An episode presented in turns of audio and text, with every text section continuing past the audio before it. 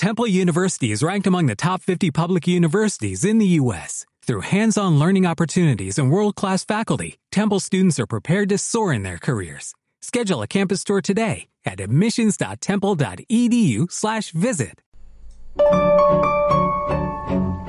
Entre Músiques, un programa dirigit i realitzat per Antoni Salvador.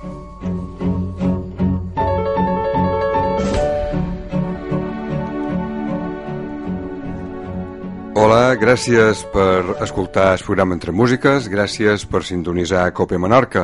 Entre Músiques, com sabeu, és una xerrada informal amb un convidat o convidada que ens arriba des diversos mons que interessen els nostres ciutadans, el món de lo social, el món de lo polític i el món principalment cultural. Com sabeu, Entre Músiques sempre dedica major part d'aquest espai en el món cultural.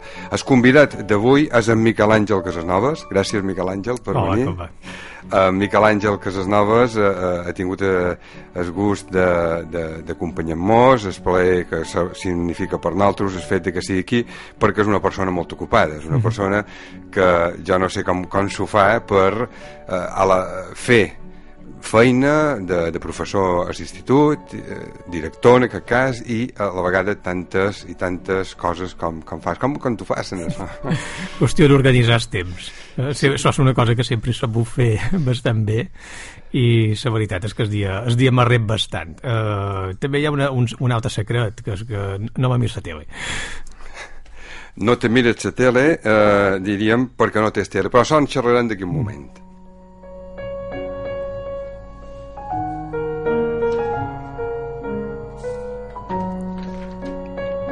En Miquel Àngel Casasnoves i Camps neix a Ciutadella dia 25 d'agost de 1964. És el major de tres germans. Eh, per es, és major, té un germà menor i una germana. Està casat amb na Maria del Pilar Florit Navarro, llicenciada en Geografia. Tenen dos fills, na Clara, que va néixer el 99, i en Francesc, que va néixer el 2001. Tots dos estudien en el conservatori. Na Clara eh, fa primer de violoncel, estudis professionals, i en Francesc tercer grau elemental de trompeta. En, Miquel Àngel Casasnoves és eh, una persona que, com eh, eh, hem dit tot d'una, està molt ocupada. És llicenciat en Geografia i Història per la Universitat de les Illes Balears i, i doctor en Història per la mateixa universitat. Va tenir un excel·lent cum laude. És professor de Geografia i Història de l'Institut Josep Maria Quadrado de Ciutadella i ha estat professor associat d'Història i Institucions Econòmiques de la Universitat de les Illes Balears. Ha participat com a comunicant o ponent en més de 40 congressos i seminaris i jornades d'estudi tant a Espanya com a l'estranger. Diversos són els països que eh, l'han conegut, Itàlia, França, Grècia, Regne Unit i Turquia. També ha pronunciat conferències de temàtica històrica tant a Menorca com fora de Silla. Ha publicat sol o en col·laboració d'altres autors 130 treballs, 25 dels quals són llibres i monografies. Alguns dels seus treballs han estat publicats en, en revistes de referència internacional, com la Revista d'Història Industrial o la Journal of Maritime History. S'ha especialitzat en història econòmica i si bé ha treballat en altres àmbits de la recerca, com ara la eh, demografia històrica i la història de la cultura. En eh, Miquel Àngel Casasnoves també eh, actualment és, com he dit, eh, membre de diverses institucions científiques, entre elles l'Institut d'Estudi Menorquí d'Estudis, l'Associació Espanyola de Demografia Històrica i actualment és el director de l'Institut Josep Maria Quadrado de Ciutadella és, eh, també, eh, és, eh, encara que el seu càrrec l'ocupi bastant de temps, procura no deixar de banda totalment la investigació. Actualment està treballant en la versió castellana de la història de Menorca.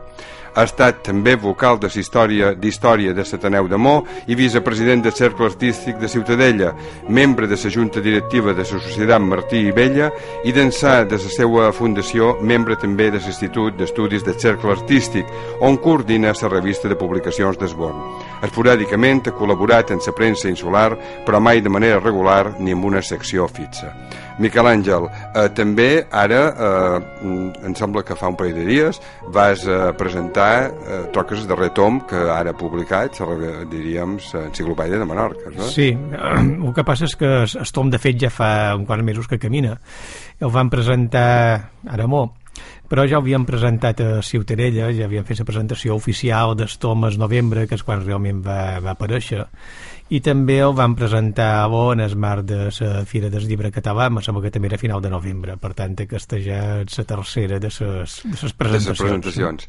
L'Enciclopèdia de Menorca és una obra de la qual eh, nosaltres hem considerat, i, i així molts de menorquins, que ens dona un prestigi excepcional. Jo uh -huh. crec que en molt pocs indrets hi ha una obra de les característiques que té l'Enciclopèdia de Menorca. Jo crec que ens sentim molt orgullosos d'ella mm. i aquí tenim ara un dels seus uh, col·laboradors, uh, perquè em sembla que ja és publicat, que és el segon volum. Eh? Aquest és el segon tom que faig jo íntegrament. Íntegrament, en el 100%. I he participat molt parcialment en algun altre, no? alguna col·laboració molt puntual, però sí, tinc la satisfacció d'haver escrit dos toms, el tom 10, que anava de la conquesta cristiana de 1287 fins a Guerra de Successió, eh, ja en broma en broma fa molt temps que va sortir, va sortir a final de 2000, eh, ja ha plegut, i aquesta és la continuació que, hem fet, que, que presentem aquest dia, és la continuació natural de, de l'anterior, eh, comença en sa, eh, amb el Tratat d'Utrecht i acaba mitjan segle XIX posta el nom que havia posat és de la, Menorca, de la Menorca britànica a la consolidació de l'estat liberal. Esclar, I penses, amb això et queda acabada la teva col·laboració amb l'Enciclopèdia de Menorca? Eh, tens encàrrec de continuar. El que passa és que ja, ja veurem, perquè són uns llibres que són d'una gestació molt llarga. I que tenir en compte que bueno, aquí... és que no sí, pot ser d'altra manera. Sí, sí, sí. Aquí no, no és una mera recopilació de, de coses ja publicades, que també. Eh? També jo fet de molt de col·legues i altres especialistes que ja han fet feina i evidentment és una... Eh, s'aprofita tot, però també hi ha molta feina pròpia, molta feina a dos nivells un primer nivell, evidentment, de recerca puntual, és de... Quan fas una obra de síntesi és d'intentar un país buis, que moltes vegades hi ha, eh, perquè pot ser estudis parcials, però te falten aquells detalls i és d'anar investigant per donar una obra el més completa possible. I el altre nivell és el nivell de, de reflexió i interpretació. Eh? Crec que no només eh, eh, de deixar constància d'uns fets, sinó també de donar, intentar-ho emmarcar i interpretar, i ja dic que és una feina de bon nivell història s'interpreta molt eh, amb, amb aquest aspecte. Mm -hmm. el punt de vista de, de l'estudiós és, eh, és qüestionat a vegades, eh? O sigui... Mm, sí, eh, però vam, és, eh, si història objectiva no existeix. Jo recordo una frase de, de Miguel de Unamuno que ell, ell deia soy subjetivo porque soy sujeto si fuese objetivo sería un objeto i és Clar. com un qui diu no, escolti, jo, jo, Ortega també ho deia amb aquella frase de, de ja les meves circumstàncies jo, per tant, eh, sí que de fer historiador és a fer feina amb el màxim d'honradesa professional eh, s'ha d'atendre estrictament a la meteorologia i les fonts eh, per citar un altre autor Robert Acton sempre deia allò de que els fets són sagrats però les interpretacions seran lliures les fonts però, són sempre des qui guanya, per sí. exemple amb els temes eh, quan hi ha hagut eh, discrepàncies eh, o, uh, o les fonts són com, sí. com ho feis els historiadors uh, no.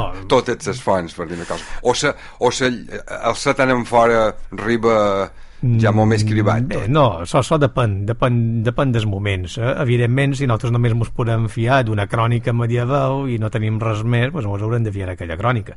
Eh, que, que evidentment mostrareu que la visió, la visió, la visió del guanyador, però també podem tenir la sort de trobar l'altra part de la crònica.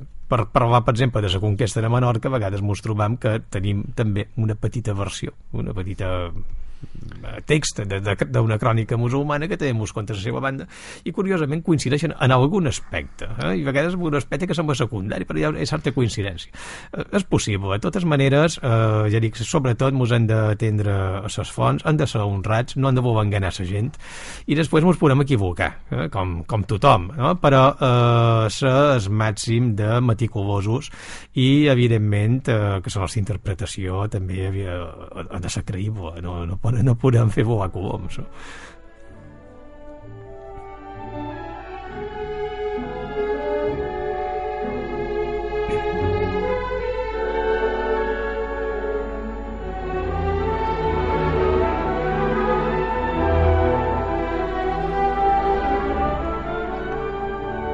aquesta sinfonia d'en Tchaikovsky, la quinta, en aquest cas el moviment aquest de l'adagio andente cantabile, mm És una de les primeres músiques que en Miquel Àngel Casanovas diu que escoltava. Mm. Eh?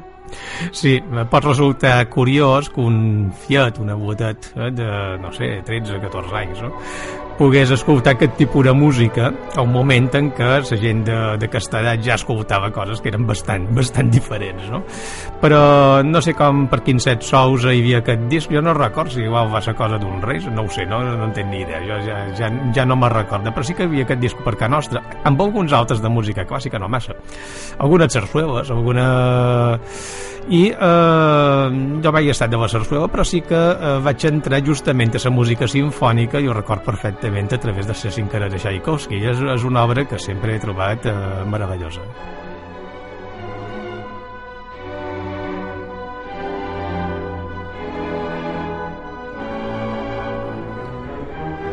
Dins dels teus estudis inicials, eh, tu ets una persona que va anar... On va fer els estudis? A Calós o...? Sí, a Calós i després a l'institut i és el que solíem fer eh, després. Després va venir el servei militar i, i després ja bastant més tard va venir eh, els estudis universitaris. No?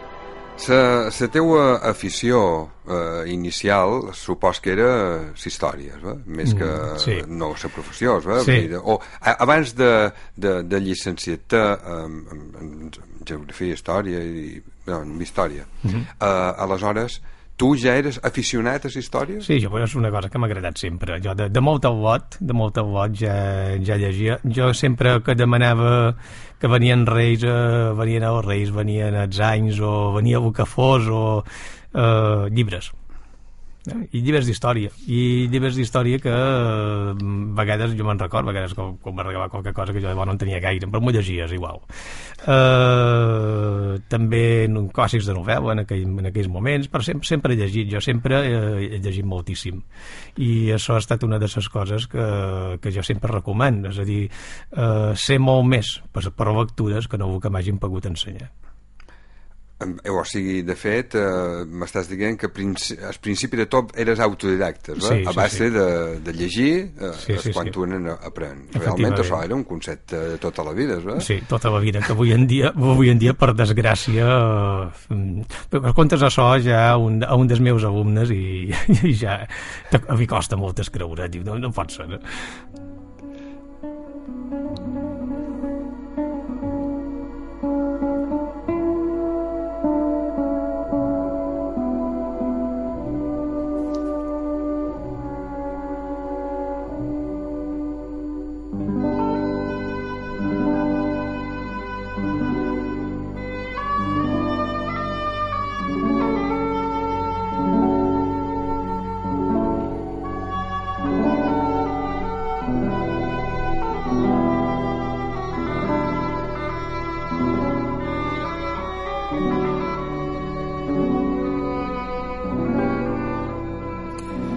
El concert de Nacuez, aquest fantàstic, uh -huh. en aquest cas interpretat eh, per en Narciso Yepes, la versió que he duit. Eh, tu dius que en el servei militar eh, escoltaves o te veia aquesta aquesta música, no? No, eh, el servei militar me va impedir escoltar en directe Narciso Yepes. Te va impedir? Te va impedir. és això. Sí, quan va venir aquí a Ciutadella. Efectivament, sí. jo crec que és un dels concerts més memorables que han fet a Ciutadella, que hi sé que hi va haver una juntada. Vam, que que més es va omplir sí, sí, sí, els claustres del seminari. Sí, jo hi era. Sí. Jo, eh, jo som soci de Joventuts Musicals, crec que des de vés que tenia 15 anys. Eh? És que el tema de l'afició musical no només era uh, escoltar qualque disc, sinó també, sinó també assistir en els, en els concerts i... Uh, i en aquell moment feia el servei militar, eh, que em voluntari, estava en escortera a Santiago, eh, uh, estava a infanteria, i, i, bueno, i aquí tenies el pernocte i anaves i venies i, i aprofitaves per fer feina i tot això uh, però aquell dia justament me van posar un servei que a vegades tu podies combinar amb el forner o els que fos o intentaves com un company no, mira, tu sí. me fas el favor i jo no hi va de manera i aquest dia me vaig quedar sense escoltar Narciso Llepes I va, i, o sigui, és una espina clavada eh? perquè el que dius, eh, un que acudeix sempre en els concerts justament sí. que aquell dia I, tenia molt d'interès i és eh? curiós perquè ara també ara record que en aquests concerts podia venir el coronel de regiment.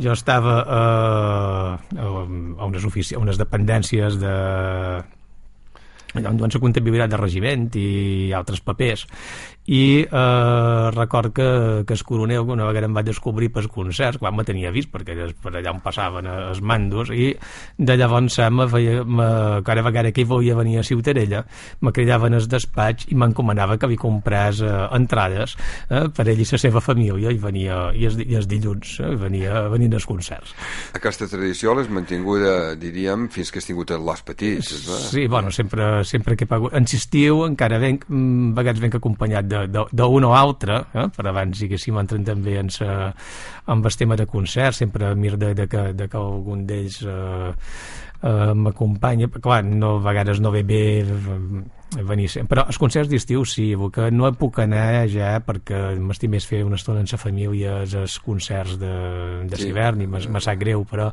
és que si no també és, és, és, de, és de dedicar temps, temps a sa casa, no, no, no pots passar per tot.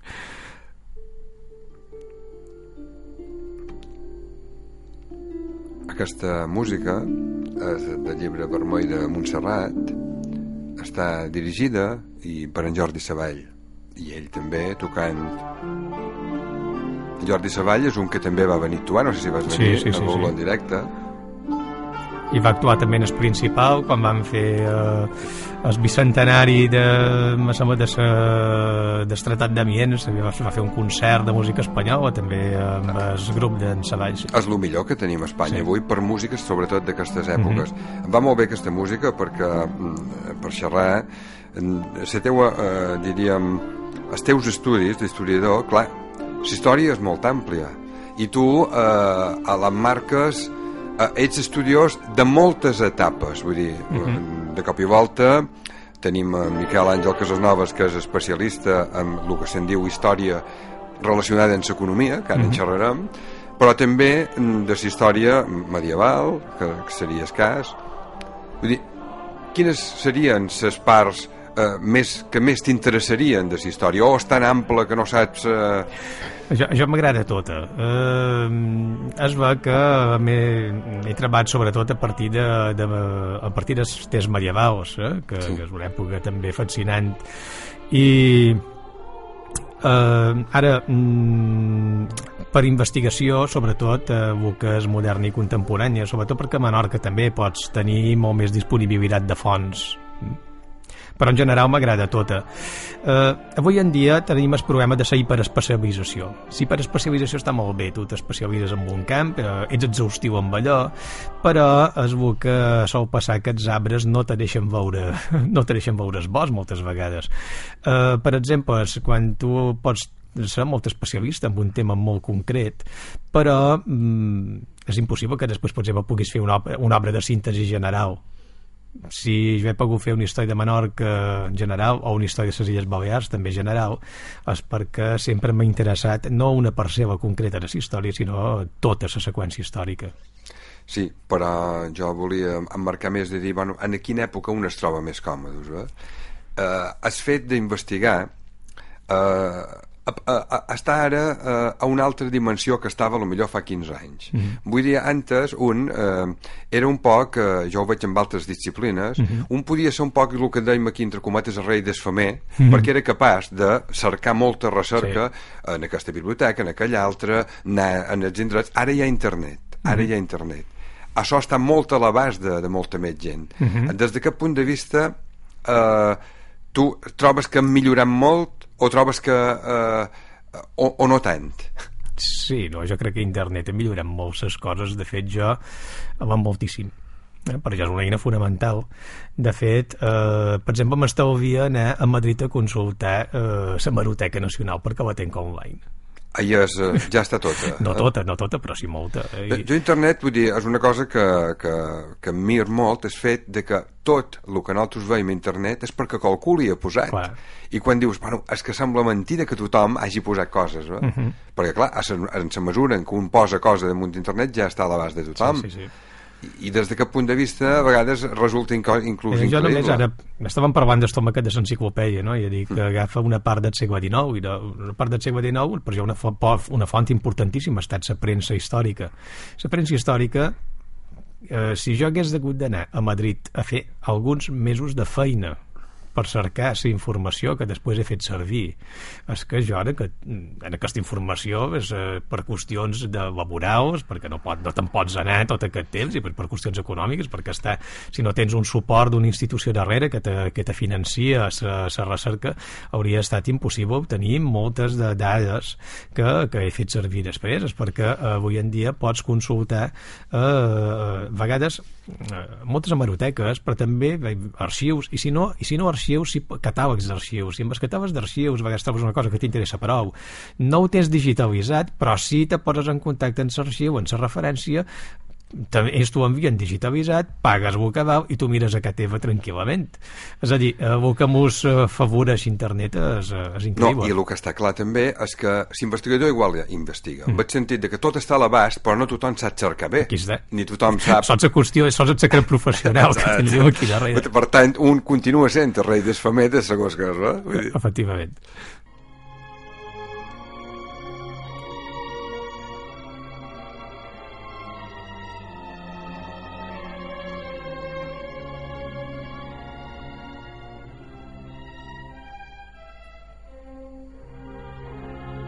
Aquest és l'Estabat Mater, d'en Pergolesi, l'Estabat Mater Dolorosa, concretament.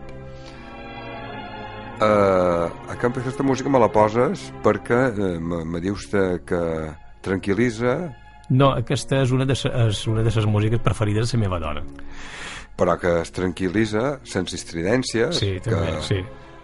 De relax, diríem. Les músiques que tu m'has posat totes elles són clàssiques, eh? Efectivament. Totes són clàssiques. No has posat ni tan sols una banda sonora, i això que anaves molt al cine. Sí, també, també hi, havia, hi podria haver pensat, però eh, amb això d'unes músiques més eh, relacionades, diguem, amb la biografia, jo mm, m'inclin més per, per aquest tipus de músiques. Sí és la música que ets escoltat, formen part de la banda sonora de la teva vida. Efectivament. Uh, a la teva dona la coneixes quan te la coneixes, llavors? Um, quasi me'n record del moment, uh, l'any 85. Eh? Des de l'any 85. El que passa és que vam feste començar a festejar molt més tard i eh, van començar a festejar el 92 i ens van casar el 97 es, una cosa que també em va semblar bastant curiós és el fet de que els dos fills que tens, eh, tots dos estan en el conservatori. Mm -hmm. O sigui, això implica que tots dos estan en un ensenyament musical sí. i que tots dos tenen una tendència a anar cap a la música, no cap a una altra carrera, o de moment, és va? Vull dir... Eh... Uh, encara, són, encara són molt jovenets eh? uh, la major ara ha de fer 13 anys ja fa eh, el primer d'estudis de, de, professionals de, de Xevo que toca bastant bé eh, i ja participa en l'orquestra de, de, del conservatori i eh, la veritat és que hi du, ja, hi, ja hi du molt de gust amb, eh, en la música i, i és petit, bueno, li agrada més el bàsquet, eh? és molt més, però si fa trompeta, fa un poc, eh, un poc més forçat. Eh? De, tenim, de... tenim el compromís de que acabarem els, est els estudis elementals. Dèiem que de posar una música amb homenatge, en aquest cas és la teua filla,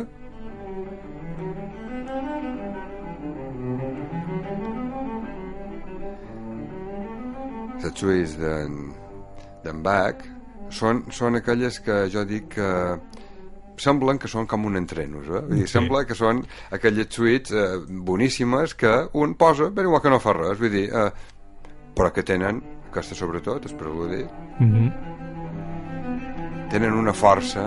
És magnífica. Magnífica, eh? vull dir, magnífica. Mm -hmm. I dius, un s'entrena, doncs pues, m'entrena sí, sí. pam, pam, pam, abans de tocar, vull dir que igual que, que no faci res. Aquesta música la volia posar en homenatge a, a la teua filla, que es dediquen a això, i després també hem trobat, bueno, en qualsevol concert de trompeta, mm -hmm. que, per exemple, aquest, d'en Telemann, eh? Mm -hmm. per Sallotes, eh?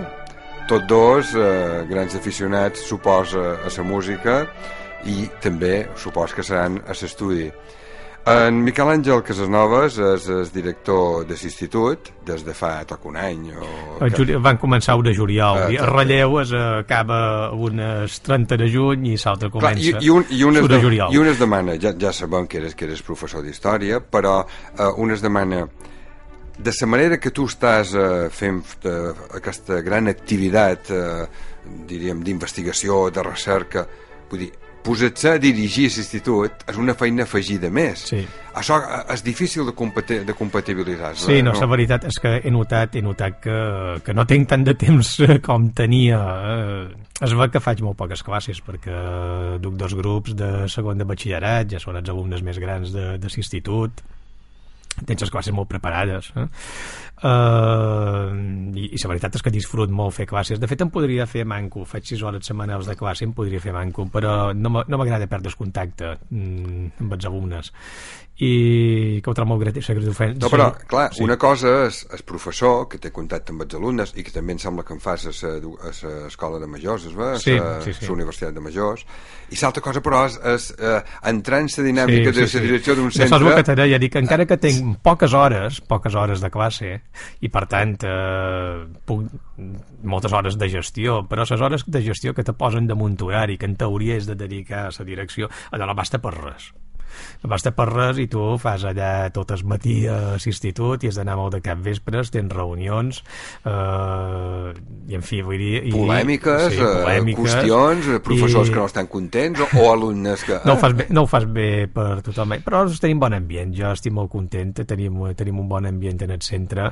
i jo crec que tinc un bon equip directiu que em dona suport i això és molt important, vull dir, pensar els directors és cap visible era tot un projecte, no és eh, no, no, no, no s'ha de personalitzar mai. Jo també he volgut d'una línia de continuïtat en l'equip anterior, que ho va deixar tot molt amunt amb Pere Ferrer mm. eh, i el seu equip, i que duim una línia de continuïtat, que no fa les coses a la seva manera, té la seva personalitat i té les seues, els seus punts més forts i els seus punts no tan forts, no? però jo crec que, que jo només tinc que ser el qui me toca l'escap visible de, de tot això. I, i ara com a director, en canvis de govern, sempre sí. hi ha canvis de plantejaments educatius, deveu tremolar quasi perquè sí, no saps no, mai... és que duim, duim, duim, duim, duim un, des de sud de juliol no deixem de tremolar, però si no és per una cosa és per l'altra. Uh, ja, bé, no fa falta insistir massa en com està el tema de les retades amb educació, està cada dia mig carrer pels diaris i els, els altres mitjans de comunicació i la veritat és que uh, es, es posa complicat amb una penúria de, de mitjans que, que te'n faries creus fa només un parell d'anys que poguéssim arribar en aquesta situació. I el canvi de model educatiu és un tema que també preocupa perquè no saps mai eh, cap on eh, s'enfocaran les coses, tot i que supos que estaràs d'acord en que fa ja molt d'anys que no estem acertant massa els models educatius, o sigui, no, no acabes no, no. de... Eh? Uh, jo crec que el que tenim és, uh, és massa canvis. Jo necessitem una estabilitat, una estabilitat, unes regles clares, uh, uh, i poder fer feina, i poder fer feina amb una, amb una certa tranquil·litat, i no anar uh, en el darrer que arriba que canvia les coses de dalt a baix. Uh, a vegades no és de canviar de dalt a baix, però canvia tots els noms, i, i, i sembla que sí. Eh? Però mm, necessitaríem una certa estabilitat per poder, per poder fer feina de manera raonable i, un, i uns mitjans com a mínims no?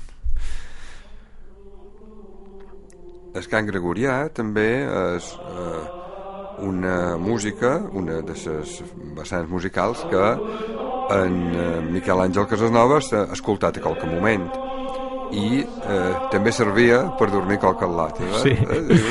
això és, és bastant curiós bé, jo sempre m'he trobat una música extremadament relaxant molt de, molt de vespres quan va sec eh, i faig una estona tot sol a vegades assegut al sofà inclús pots, pots treballar, pots sí, llegir, pots sí, fer qualsevol sí, sí. cosa pos, eh, és un sedant i en francès que si bé era de petit un poc mal dormidor.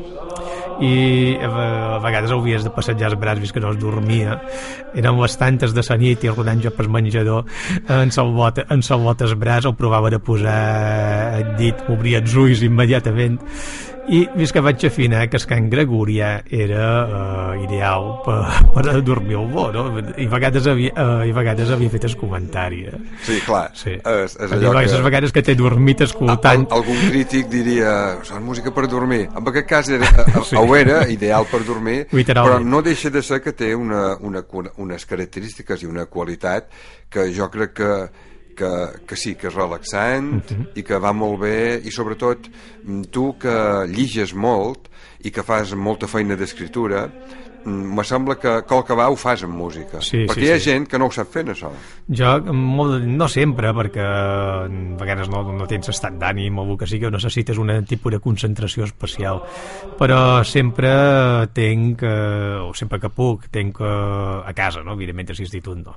Però eh, a casa tenc tenc música i qui sona mentre es faig feina. Moltes vegades és gregorià però pot ser qualsevol cosa. Escolto moltíssim ràdio clàssica més per allò que ja tens sí. música posada ja i la, ja la deixes a un volum, a un volum discretet i eh, tu fas feina fas feina tranquil·lament amb, amb aquella música com a música de fons.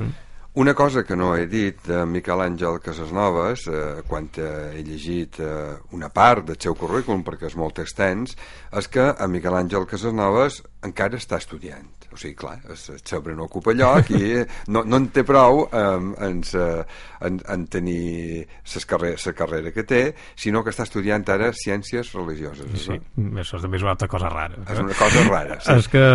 De, amb, amb el paraigua de la Facultat de Teologia de Catalunya. Efectivament és l'Institut de Ciències de la Religió de Barcelona, l'ISCREP. Estàs fent per lliure? No sí, no, no sols virtual, és un sistema, i a més, on estan un reconegut per s'adapta a l'Esplà Bologna, té un reconeixement de, de l'estat espanyol com a com a, com a grau eh, i, i, com a, i, com a, i com a màster també ara actualment i eh, a, la, a la vegada són uns estudis que estan reconeguts per la Santa Seu vull dir que, que em són totes les bendicions, mai més ben dit i la teologia eh, t'interessa des de quin punt de vista? O sigui, des de el punt de vista més religiós des del punt de vista més d'estudi de les religions de, sí. Uh, sí. Uh, és un tema que m'ha interessat sempre sempre mm, sempre he trobat que, que, que era d'un enorme interès mm, per una qüestió també per, personal, de creença personal eh? és allò que deia Sant Anselm que deia una frase eh, fides quadens intellectum se fa cerca comprensió, cerca entendre i eh, però també a nivell... un historiador també sap sí que les religions mou, han mogut moltes guerres sí, eh? per, i, eh? i moltes Mouen. altres coses no? No, no necessàriament guerres no, no, no però també, també, també té aquest punt de vista efectivament però eh, es, com, a, com a visió àmplia de, de la cultura ja dic, és, és una, per jo un gran enriquiment eh, personal i ha estat una, una, una troballa eh, una, clar, vaig fent eh, assignatures eh, soltes i és aquella cosa que, a base de molt d'anys eh, ho arribaré a acabar. Però sí que m'ajuda molt eh, a centrar-me en un altre tema i eh, a fer un altre tipus de a fer un altre tipus de diguem d'indagació eh? no únicament la recerca històrica sinó també partir per altres camins i que te dona una, una visió molt àmplia també amb molt de temes de tipus filosòfic de temes eh, evidentment teològic eh? Eh, i vaig fent eh, assignatures i bueno, és el segon any que ho faig i la veritat és que per jo també està molt gratificant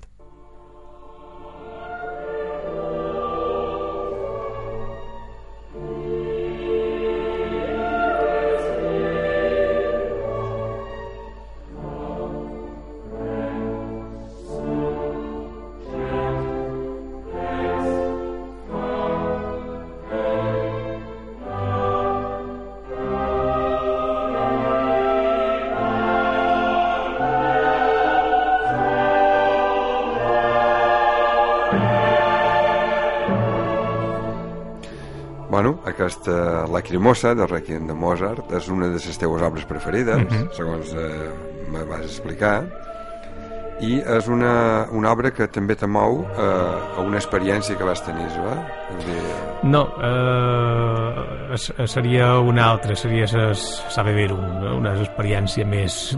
Aquesta... La, la vas escoltar en directe? La vaig escoltar en directe, jo dic, sempre, sempre m'ha agradat moltíssim el Requiem de, de Mozart i dins el Requiem, que té moments, té passatges eh, absolutament meravellosos, però el Lacrimosa sempre ha estat aquella part que a vegada m'ha ferit sempre eh, la part més, no sé, més sensible, no? I vaig tenir ocasió, a més d'escoltar-lo en, en directe, a un escenari privilegiat com a Sant Martin de Hills a Londres un concert que quan vaig saber que feien a Requiem de Mozart allà eh, anar... era, sí, era, era, érem a Londres es viatjar, sí. es viatjar és una de les teues sí. passions, direm, t'agrada viatjar uh mhm. -huh. quan tu viatjau en família normalment eh, supos que donau també un caràcter molt cultural en els viatges. Sí, sí, no? sí. De fet, molt de viatges com aquest de Londres eren un viatges que jo... Molts, molts de viatges d'aquests de congressos, eh? que després a vegades aprofites ja que ets allà per fer alguns eh, dies més. Eh, qualque vegada també han fet viatges familiars, com un que van fer a Roma l'any passat amb, eh, amb els albots, que és la primera vegada que ens demanàvem a l'estranger van venir també els meus germans, ens van passar molt bé a Roma una setmana, des, la setmana després de Pasqua van fer sense, sense de Roma i va ser una marató cultural, però bueno, és aquella cosa aquí, per exemple, amb, amb en Francesc, que és meu fill, i a vegades allà, allà hem estat en el foro de Roma i, i en el Coliseu, tenia una dèria per anar a veure uh, el, el Coliseu i, i tot això, i la veritat, són aquestes coses, jo crec que en els, en els fills es busca són els millors regals que es pots fer. Aquesta sí que va ser una experiència.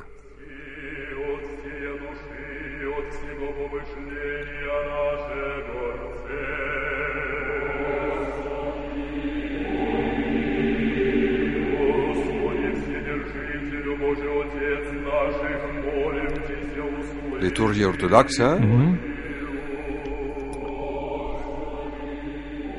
perquè a casa és russa també entén de grega mm -hmm. eh? Així que te va impressionar aquesta veu aquesta me va cas... impressionar moltíssim no sé si és uh, similar sí. a una sosba uh, sí, sí, sí es, uh, jo uh, també era un viatge en aquest cas a Corfú a de Corfú també hi amb la meva dona i també era un d'aquests congressos uh, Uh, si vas a Sant Espiridion, uh, allà on allà uh, el sarcòfag, un sarcòfag de plata dins una capella que després el van anar a veure. Uh, del Sant uh, vam poder escoltar unes vespres uh, unes vespres ortodoxes i me va agradar, però bueno, impressionant. Les anteriors és russa, aquestes són les gregues. Això es diu Himno de los Querubines. Uh mhm. -huh Dic perquè mm, ho vull posar perquè no és molt habitual. Com, no, eh? no, no. Jo havia escoltat diverses vegades per, per ràdio clàssica, i per a vegades aquest tipus de músiques no tan habituals dins el món occidental.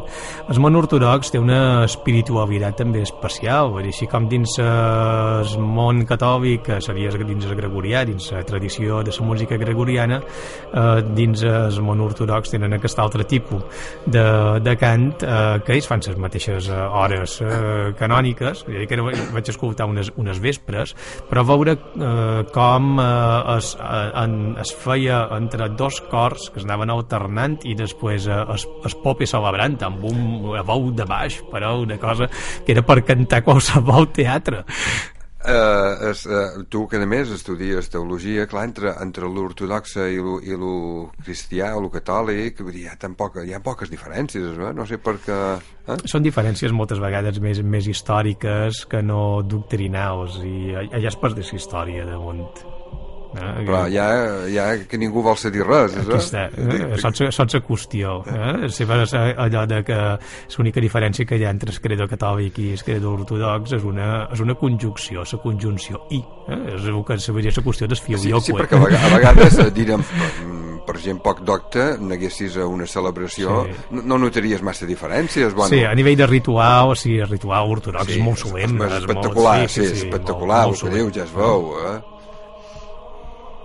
Uh, Miquel Àngel, tu, uh, diríem, com a professor d'història, en aquest cas com a director, eh, l'alumnat actual eh, com el veus? O sigui, com, com dirimiu eh, el funcionament? Eh, dones impressió de que a vegades hi ha molta rebeldia, de que hi ha, hi ha molt, molt de passotisme, mm. sembla que hi ha manco interès.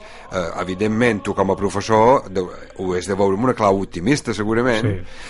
Uh, clar, eh, hi ha de tot. Mm, com la societat els alumnes que venen a un institut no són altra cosa que reflex de la societat, de que la societat que es, de, que es, de, que es de té. Vull dir, nosaltres mos venen alumnes de tot tipus, eh, estudiosos, aplicats, eh, responsables, i mos venen a l'altra cara de la moneda. No? El problema és que sempre te donen més feina. Si jo tenc 550 alumnes a l'institut, aproximadament. Eh? Eh, tens aquells 20-25 alumnes que són problemàtics i d'aquelles és que, que, que tothom ratlla els problemes d'aquest i aquell altre que te fa aquella cosa, te fa aquella eh, que, que, que necessites un professor contínuament per anar darrere aquell. en canvi els altres 500 alumnes eh, que no te donen, no te donen problemes eh, sembla que hi ha de tot i si realment eh... Clar, això sempre passa en una manifestació n'hi ha, ha, ha 10 eh? que fan uh, un desastre sí. i sembla que totes les manifestacions eren els culpables això, això és el mateix sí, sí. la joventut, no, no es pot generalitzar perquè hi ha de tot i si realment eh, se, fos tothom tan, tan així de dolent la prof professió de professor seria eh, res un calvari eh? no vull dir que no hi hagi centres fora de Menorca. Menorca són privilegiats, també ho hem de dir d'aquesta manera, som una mica privilegiats en tot això. No vull dir que no hi hagi instituts de la perifèria, de les grans ciutats, de la península, que sí que es trobin amb unes problemàtiques. Però clar, és que són també reflex de la societat i sempre estem parlant de que el que hi ha dins un institut no és altra cosa que això, que reflex de, de, de, de, de la societat. I són fills d'unes un, persones i són allà i duen la problemàtica de casa seva moltes vegades van a l'institut. Una música que em vas posar, que jo no coneixia, és aquesta, Camilo Mojón.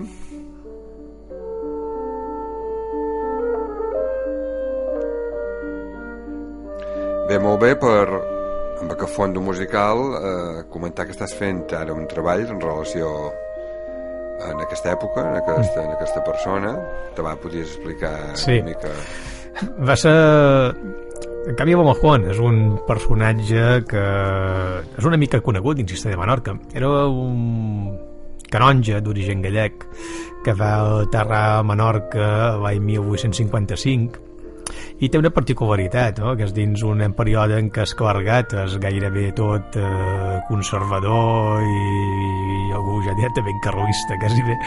Eh, Camilo Mojón era liberal una rara avis dins l'esclargat espanyol de, del segle XIX i no tan sols això sinó que es posa al capdavant de la Junta Revolucionària de Ciutadella en la revolució de 1868 que va destronar Isabel II i eh, Camilo Juan és un personatge molt polifacètic, molt, molt interessant, histriònic, eh? Eh, exuberant, eh? així com us vulguem veure, però que, jo diria sobretot un personatge apassionat. Eh? Mm, el podem jutjar també ara des de la distància, de moltes maneres. Jo crec que ho, trob, ho trob molt interessant. Has trobat documentació sí, suficient? Sí, he trobat, he trobat molta cosa. Me falta molt, ja hauré d'investigar. Serà un llibre, això serà un llibre, Sí, però no sé quan serà, perquè són d'aquelles coses que vas recopilant cosetes, eh? vas recopilant. Sí. Uh, precisament el que dèiem, no? gràcies a internet vaig descobrir que havia... Jo sabia que ell era músic, havia, de fet, aquí, quantes aquí es presenta per la possa d'organista a la catedral, que no la guanya, la donen a un altre, li agafa un berrinxi, no? uh, perquè són molt de geni, eh?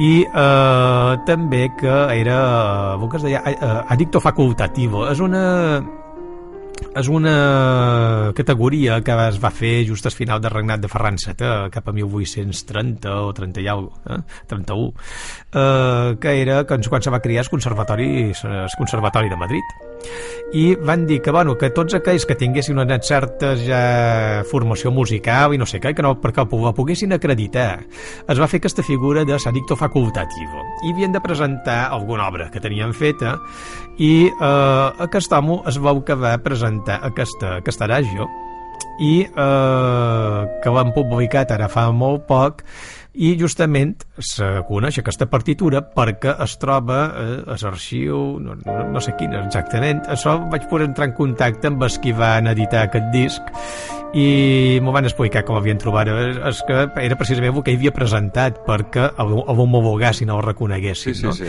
i tenia aquesta vessant musical a part de la política i, eh? i, evidentment bueno, la religiosa no? un personatge que serà ben interessant Moltíssim. quan tu publiquis uh, Miquel Àngel estem quasi a punt d'acabar uh, no vull deixar de passar el tema de la llengua. La mhm. llengua a Menorca en aquest moments, em sembla que te vaig veure a una manifestació sí. que van fer fa poc en sí, relació sí. a donar suport. Com, com el veus en aquest moment? Eh, eh, tu que normalment escrius en pla habitualment, eh, anant per enrere, què, què farem amb això de la llengua? Jo crec que és preocupant que retrocés de l'estatus eh, de la llengua catalana. Eh, en aquests moments eh, jo crec que és, és qui no necessita defensa és el castellà. El castellà es defensa tot sol i es defensa molt bé. A vegades massa bé. Uh, és qui necessita un nivell de protecció quan estem parlant d'una llengua oficial que no estem parlant d'una llengua eh, no sé, anecdòtica no? estem parlant de que és una llengua oficial i que aquí a Menorca encara ets eh, majoritàriament parlada eh, i, i, i ets la llengua no, ets la nostra eh? és, és, és llengua pròpia té, no ho dic jo, ho diu l'Estatut d'Autonomia sí, sí, sí. Eh? me sembla que, que estem en un nivell de, de, de retrocés i això és perillós a llarg termini perquè bueno. vol dir que eh, sembla que ja no és, que no és important per qui arriba a Nova Menorca és una, és una cosa que fa nosa. Esperem que, sobretot, des de les institucions i des de, en aquest cas, les escoles, que és aquí on mm -hmm. tu habites, eh, la cosa mm, no derivi amb una passa enrere a lo que hem aconseguit amb els anys. Gràcies, Miquel Àngel, per haver vingut en el programa. Ha estat un plaer que estiguessis aquí. Ets un personatge que té, tindria moltes coses que dir. És una de les persones més actives dins del món de la investigació històrica actualment a Menorca. Mm. Gràcies per tot. I eh, acomiadaré l'espai amb en Jordi Savall i un dels temes d'aquests elegits eh, que es diu Corten espadas afilades. Eh? Mm. Gràcies per tot. Molt bé, moltes gràcies. A tots vostès, fins la pròxima setmana.